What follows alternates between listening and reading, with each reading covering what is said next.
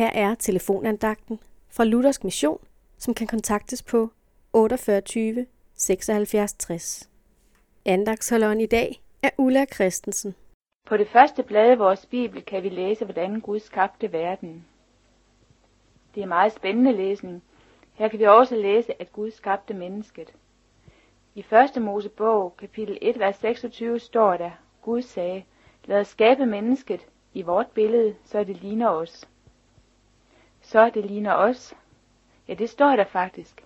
Det er bare fantastisk. Vi er skabt, så vi ligner Gud. Og ikke nok med det, men der står faktisk, så det ligner os. Hvem er os? Ja, det er Gud, som er vores far, og sønnen, som er Jesus, og Helligånden. Det er altså den treenige Gud, vi ligner. Har du tænkt over, at du er noget helt specielt? Det er dig, det her er skrevet om. Det er dig, der er skabt i den treenige Guds billede. Det vil sige, at du ligner Gud, lige meget om du er tilfreds med dit udseende og dine evner. Så har Gud villet, at du skulle være, som du er. Det er hans vilje og plan, og ikke en tilfældighed, at du er sådan.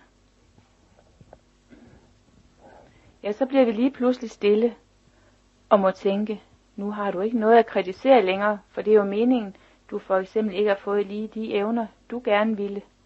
Du har heller ikke noget at prale af mere, for, for det du er god til, har Gud jo givet dig. Ja, så må du sidde tilbage med et tak til Gud i hjertet.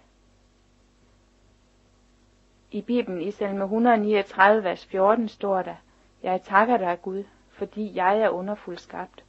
Underfuldt er dine gerninger. Amen.